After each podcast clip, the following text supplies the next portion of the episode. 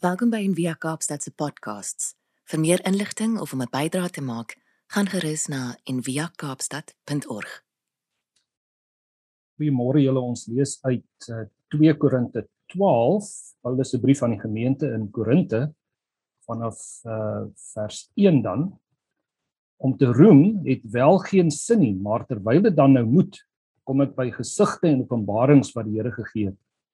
Ek ken 'n man wat aan Christus behoort 14 jaar gelede is hy weggeruk tot in die derde hemel. Of dit met die liggaam was of sonder die liggaam, weet ek nie. Net God weet dit. Ek weet ook dat hierdie man weggeruk is na die weggeruk is na die paradys toe. Of dit met die liggaam was of sonder die liggaam, weet ek nie. Net God weet dit. Daar het hy woorde gehoor wat 'n mens nie kan of mag uitspreek nie. Oor hierdie man sal ek roem, maar nie oor myself nie, behalwe oor my swakhede. Al sou ek wil roem, sal ek tog nie dwaas wees nie, omdat ek die waarheid sal praat. Maar ek weerhou my daarvan omdat ek nie wil hê dat iemand aan my meer moet toeskryf as wat hy my sien doen of my hoor sê nie, selfs nie vanweë die verhewenheid van die openbarings nie.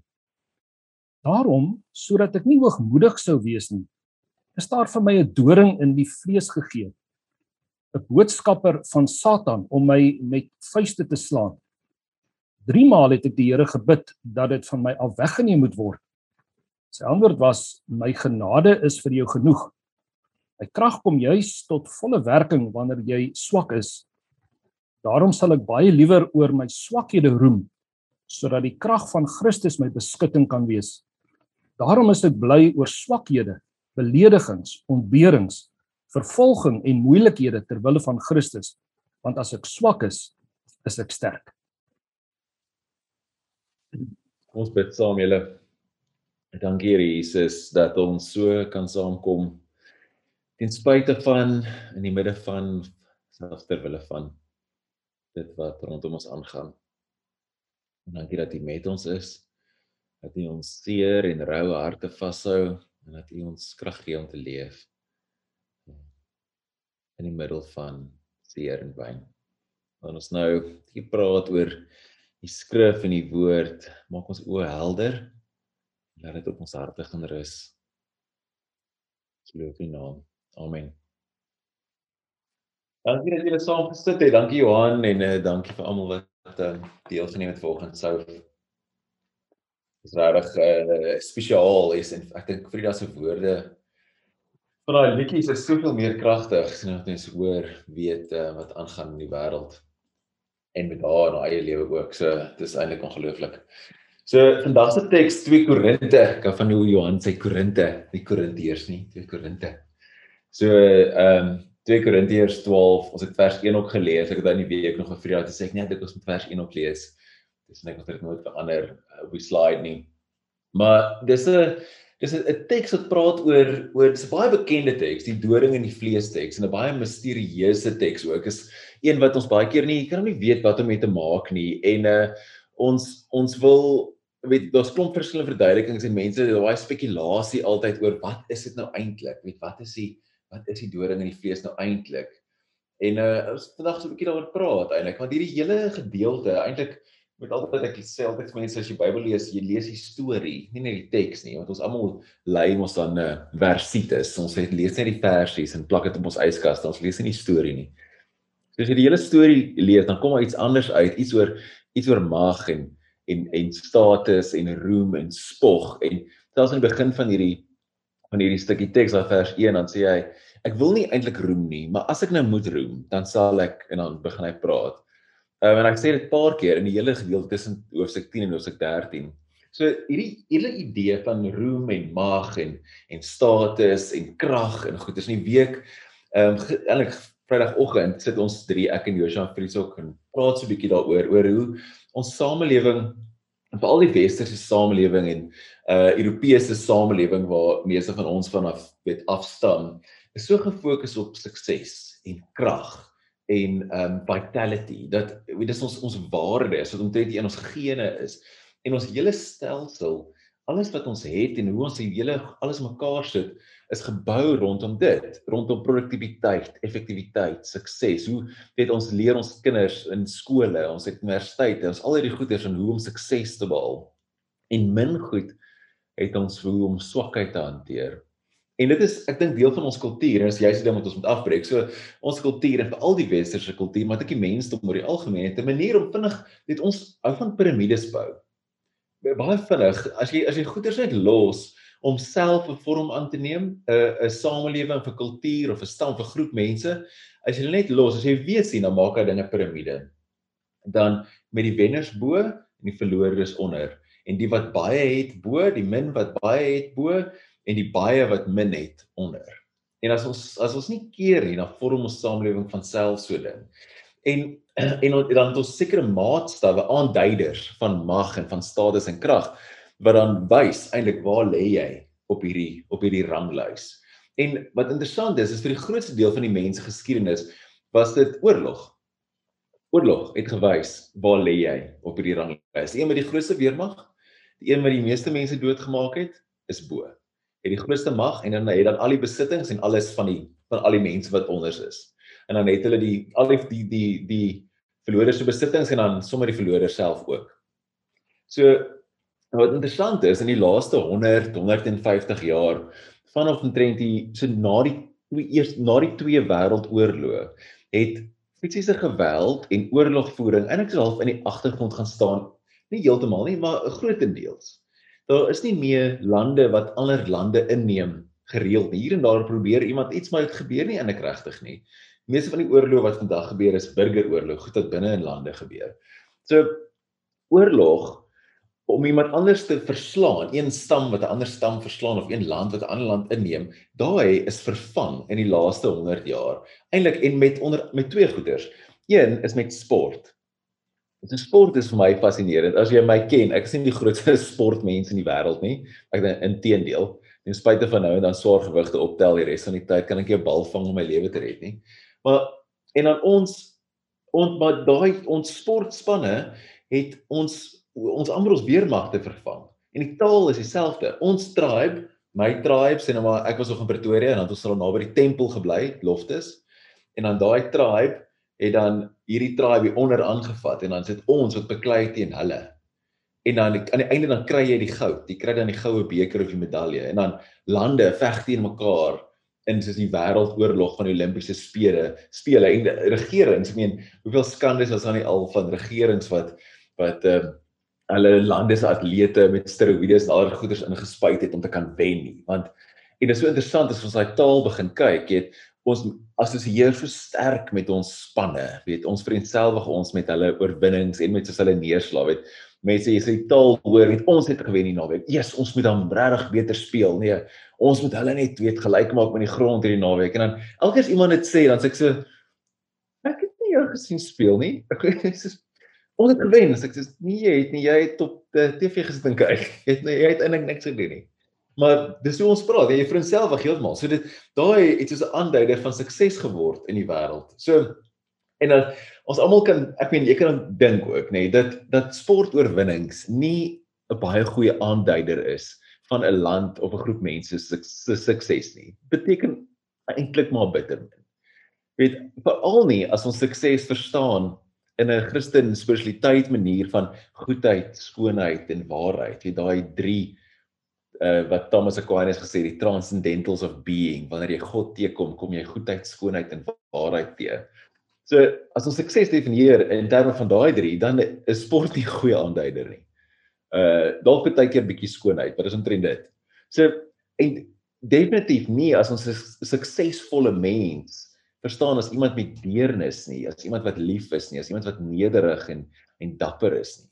En die tweede aanduider wat kan 'n oorlog vervang het, is natuurlik geld. Dit is die obvious een. Besighede het weermagte vervang en dieselfde oorlogstaal word gebruik in besigheid: wen, verloor, oorneem, uitstof, oppositie, kompetisie, daai dieselfde ding. En geld het natuurlik ons nuwe piramide geword.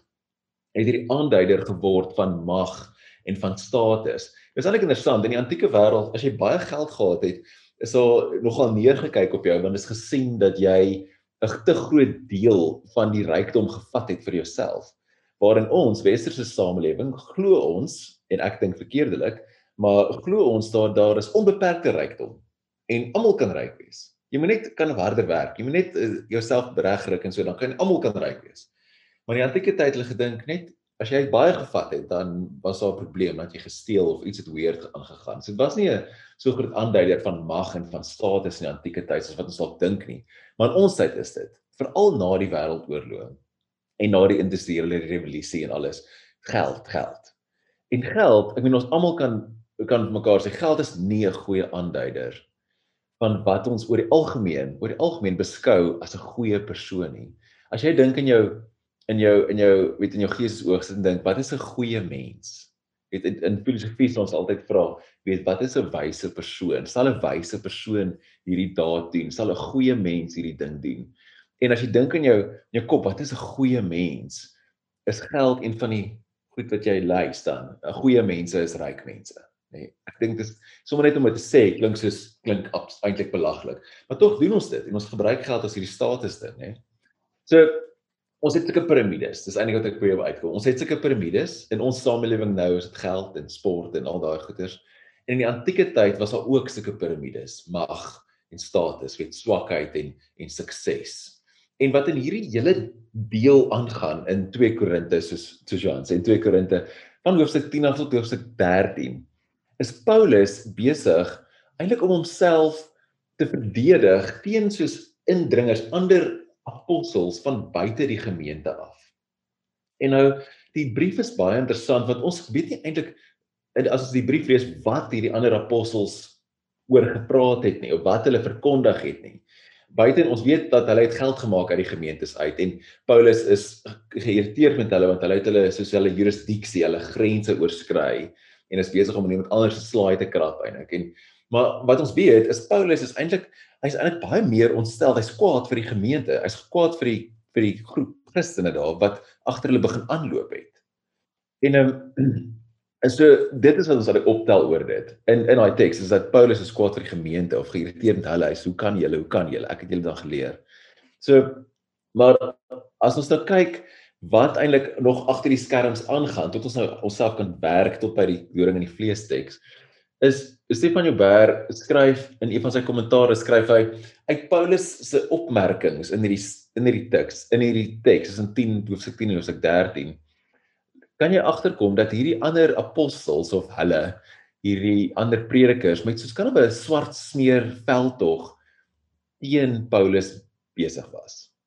Dit lyk asof hulle hulself kan voorgestel het as hierdie amazing sprekers in die antieke wêreld was dit baie belangrik om 'n goeie spreker te wees. Weet as jy dink aan aan Griekeland en Rome en al daai goed, goeie spreker om 'n orator te wees was goed. En hulle het hulle self beter gestel as Paulus. Hulle het gesê, goed soos weet in in sy briewe, weet sy briewe dra baie gewig, maar in persoon is hy maar eintlik maar eintlik maar flou. Die teks lees in in Afrikaans dit sê sy briewe is wel ernstig en streng, maar as hy self by ons is, is hy mak en beteken sy sy woorde niks.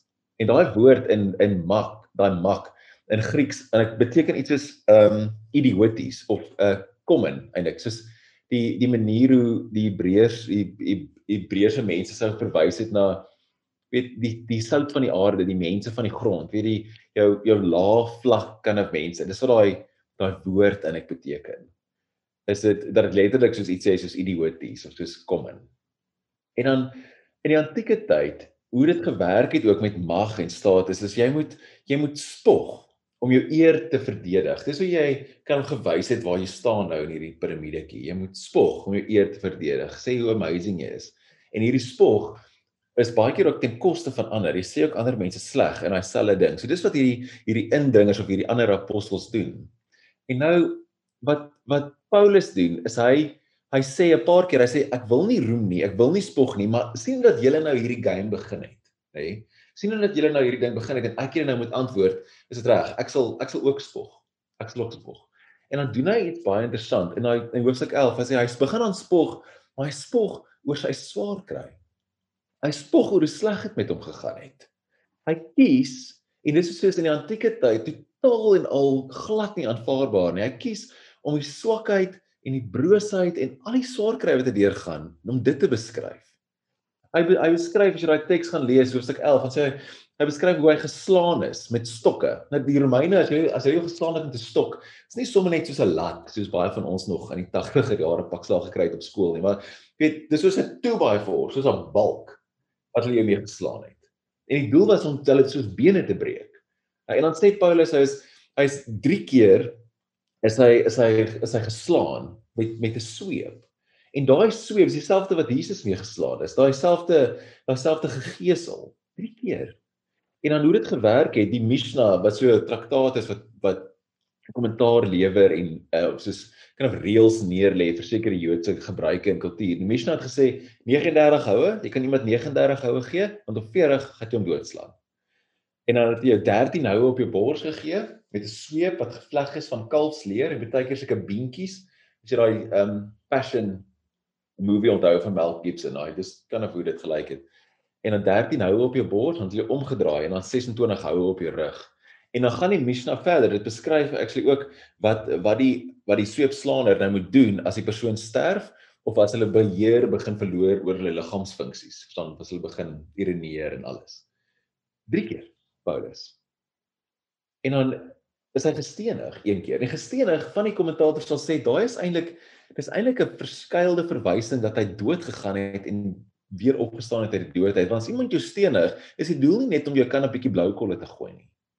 Die doel is om jou dood te maak. Hulle het jou in 'n put. Dit was nie soos dat jy daar gestaan en hier staan almal rondom jou, hulle klippies en hulle gooi jou met 'n handjie vol grys nie. Hulle het jou in 'n put gesit en dan het hulle klippe, boulders op jou afgerol. En nou kan jy dink as as jy in 'n put is en hier kom goed op jou af, wat doen jy uit natuur? Jy weet jy keer.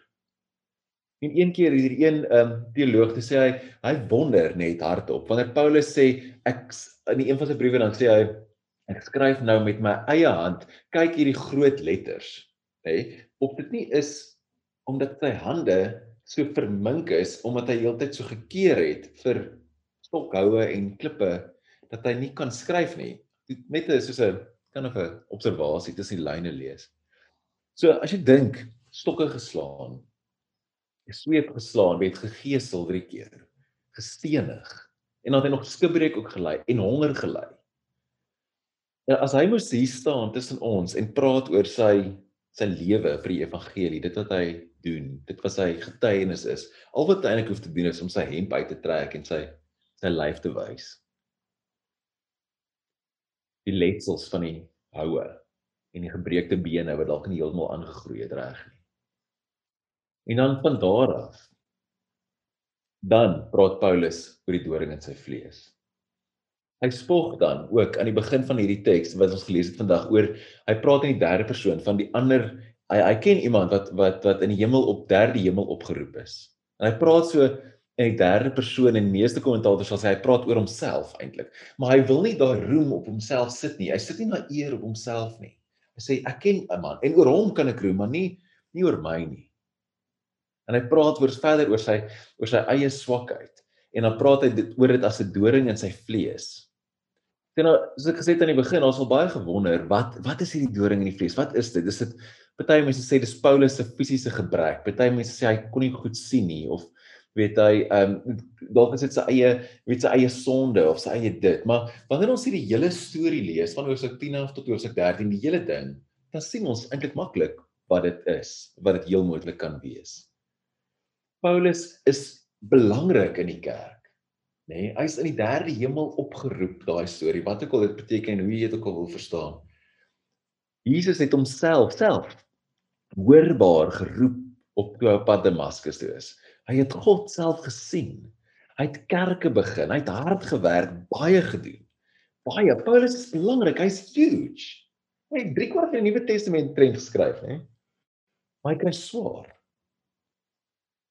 Hy word sleg gesê deur ander. Terwyl hy meer as enige iemand rede het om te kan spog. En dis die doring.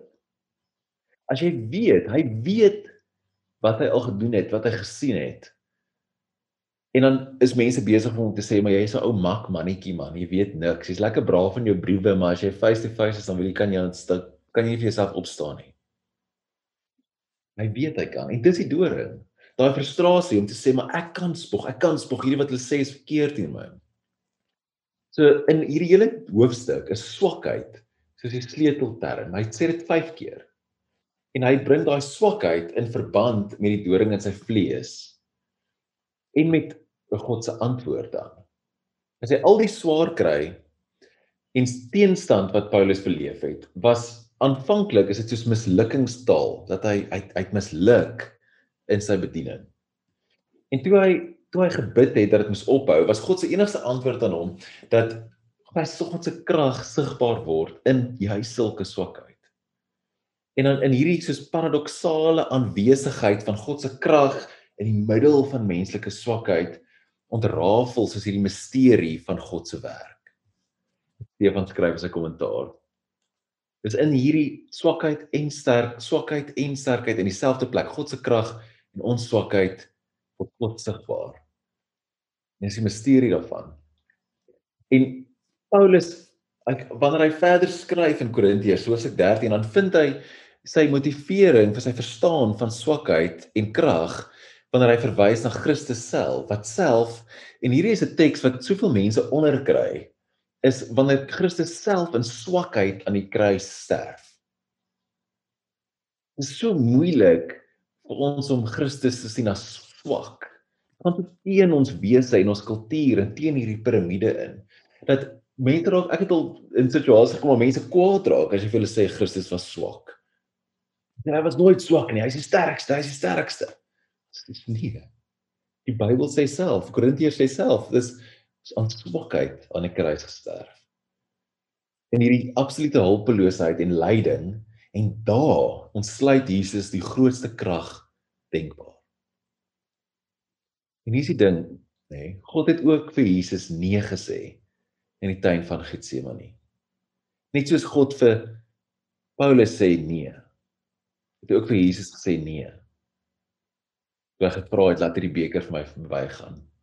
En as ons daai verhaal lees van die tuin van Getsemane, dan sien ons die, as Jesus klaar gebid het en God sê nee, dan toe het die engele gekom en hom en hom bedien. Net soos toe Jesus in die woestyn was, in die 40 dae in die woestyn, aan die einde toe kom die engele en hom bedien. Trevor Harriet skryf, hy sê only after we have let the desert do its full work in us will angels finally come and minister minister to us. En ons wil so graag groei. Weet jy wil groei as 'n as 'n gelowige, groei as 'n as 'n as 'n Christen, 'n groei in jou spiritualiteit en reg oor die wêreld ontdek kerke en mense in baie tradisies herontdek of ontdek weer kontemplasie, uh onderskeiding, Ignatius onderskeiding, met labirinte, stilte. En vir op al hierdie goeders ontdek ons kan hierdie hierdie vrug van groei binne in dit. Maar die waarheid is vir gemeenskappe soos ons en individue ons geestelike wortels groei groei eintlik die diepste en die sterkste wanneer ons saam stoei deur ervarings wat ons self nie kan nie en nie wil nie aan mekaar sit of sal kies nie. Dan groei ons. Wanneer ons deur swaar kry saam gaan geloofsgewoontes is oefening. Dis training dis opleiding vir swaar kry. Frida het eendag gesê dis sy preek sê sy sy wil so graag hê die Here moet haar verander in stilte, maar hy doen nie dit nie. Hy verander haar in die moeilike tyd van die res van die dag. In stilte berei jou daarom so 'n bietjie voor vir dit en help jou om deur dit te kan gaan. So om hier alles mee saam te vat, nê, hierdie swakheid en onthou daarvan ook om hierdie om swakheid so so te definieer en te sê ons swakheid is ons eie brokenness of ons eie sonde of ons ons ons eie kind of whatever, maar dit gaan nie daaroor nie. Die die swaar kry, hierdie swakheid is nie sy eie gebrokenheid en sy eie sonde en sy eie issues en goed nie. Dit gaan oor die swaar kry wat hy verduur ter wille van Christus. Ter wille van die evangelie, ter wille van skoonheid en waarheid en goedheid. En dis dan ek die ding wat ons as gemeenskap oor kan praat. Ons beide rondebos via is soos wanneer ons ons roeping volg, né? Soos Paulus sy roeping gevolg het. Wanneer ons werk, goed, dit wat reg is. vir skoonheid, vir waarheid, vir goedheid en jy kry swaar. Wanneer jy op jou einde is, jy dink ek werk so, ek wil net die regte ding doen. En ek word genuil daaroor en gespot daaroor en vasgevall daaroor en dit is moeilik en dit is swaar. En wanneer jy soos wil opgee om hierdie werk te doen, ophou werk vir dit wat goed is en dit wat mooi is en dit wat waar is. Wanneer die dorings te veel raak, daai wanneer jy op in jou eie tuin van Getsemane is. Jy sê ek kan nie meer. Ek weet hierdie is wat God my na toe roep. Ek moet hierdie hierdie goeders doen in die wêreld want dit is reg en dis goed. En wat dit so moeilik is om dit te doen en jy sê ek kan nie, ek kan dit nie meer doen nie. Dit is te veel. Asseblief vat dit van my weg. Dan dan word God se krag sigbaar. Wanneer wanneer wanneer mense swaar kry en veral wanneer jy swaar kry ter wille van die koninkryk, ter wille van goedheid, skoonheid, waarheid. Ons 'n storie wat uh, Martin Luther King Junior vertel. Ek wil net vir ons lees. In sy eie lewe, hy sê hy skryf, "One night toward the end of January, I settled into bed late after a strenuous day. Greta had already fallen asleep and just as I was about to doze off, the telephone rang. An angry voice said, Listen, nigger, we've taken all we want from you. Before next week, you'll be sorry you ever came to Montgomery. I hang up, but I couldn't sleep. It seemed that all my fears had come down on me at once. I had reached a saturation point. I got out of bed and began to walk the floor. Finally, I went to the kitchen and heated a pot of coffee. I was ready to give up. With my cup of coffee sitting untouched before me, I tried to think of a way to move out of the picture without appearing a coward. In this state of exhaustion, when my courage had all but gone, I decided to take my problem to God. With my head in my hands, I bowed over the kitchen table and prayed out loud. The words I spoke to God that midnight are still vivid in my memory. I am here, taking a stand for what I believe is right, but now I'm afraid. The people are looking to me for leadership, and if I stand before them without strength and courage, they too will falter. I am at the end of my powers. I have nothing left. I've come to the point where I can't face it alone. And at that moment, I experienced the presence of the divine as I had never experienced him before. Daar is die plek waar die engele kan kom en ons kon kom bedien ons sterk maak om goedheid te kan bring. En ek praat nie net hier van van bediening en kerk en ministry ens gegoed nie. Net om bloot die regte ding te doen in jou elke dag, wat ook al jou werk is. En wanneer jy wanneer jy op is en die pyn van jou plig, jou roeping as as dokter of as dominee of as rekenmeester of as onderwyser of as fisio, wat ook al wanneer daai die pyn van jou plig om goed te doen waar jy geplaas is te veel is en jy lê plat op die grond in swakheid en jy gril en vir die vrees vir, en jy vrees vir dit wat waarheid en goedheid en skoonheid en God van ons vra dan dan word God se God se krag sigbaar en wanneer ons kom op 'n plek waar ons nie kan alleen nie soos ons as as in via as Rondebos as kerk as mense van Jesus. Want ons dit nie alleen kan doen nie, wat ons voel Jesus hier is te groot, dan word God se krag sigbaar. Dan bedien God ons, maak ons sterk sodat ons deur ons eie goeie Vrydag kan gaan. Die genade is dan genoeg. Trevor Harriet skryf verder. Hy sê sekere dinge kan net gebeur in tuine en woestyne. How long covered in the sackcloth of grass thorn, and sky. Before our desires and illusions fall to intimations of communion. Before ages dissolve and we comprehend the mystic stream of union beyond all boundaries and distinctions. Ons, as 'n gebroke gemeenskap, ek sê altyd 'n holy dysfunctional family, wat in die chaos en die mes en die uitdagings van ons roeping as 'n community leef ten spyte van die uitdagings, finansies en COVID en lockdowns en alles en ten spyte van dit voortbeer en sê ons ons gaan, ons hou aan want die Here het vir ons 'n gift gegee, ons gemeenskappe roepinge iets om te bring vir Kaapstad en vir die land en vir die wêreld. Dan wanneer ons voortbeer, dan is juis wanneer God se ons God se genade beleef en ons doen. Wanneer ons aanhou leef dit wat God ons geroep het om te leef, om hierdie inklusiewe kontemplatiewe gemeenskappe te wees wat die die hart van God kan uitleef wat wat hierdie rou en hierdie swaar kry en hierdie seer wat in die wêreld is kan vashou. Wanneer ons aanhou om dit uit te leef, ten spyte van hoe swaar dit is, ten spyte van hoe moeilik dit baie keer is, ten spyte van hoe absoluut belaglik dit lyk dat ons dink ons kan eers enige iets doen, dan is God se krag sigbaar. Dan dan word sy krag sigbaar. Ons bid saam julle. Dankie Here Jesus dat U sterk is wanneer ons swak is. Wanneer ons plat op die vloer lê onder die gewig van dit wat ons moet doen. Dit wat ons geroep is om te doen. Wanneer ons moeg is om die regte ding te doen. En ons uitgeput is om waarheid en skoonheid en goedheid te bring in die wêreld en wanneer ons foos geslaan word gevolg daarvan. Weet ons is sterk. Dan word die krag sigbaar. Ek weet dat U ons krag gee. Ons kan hierdie nie alleen doen nie. Ons loof U naam. Amen. Jy kan jou hande net so uitsteek en dan spreek ek vir ons 'n seën uit.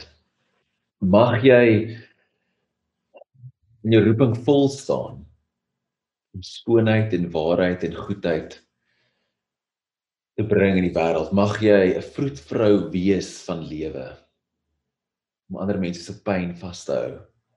En mag jy wanneer jy klaar is en moeg is en op is en moeg is daarvoor om die regte ding te doen, dat God jou sal krag gee.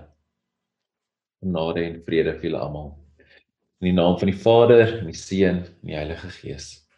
Amen. Dankie dat jy saam geluister het vandag. Besoek gerus en via kaapstad.org vir meer inligting.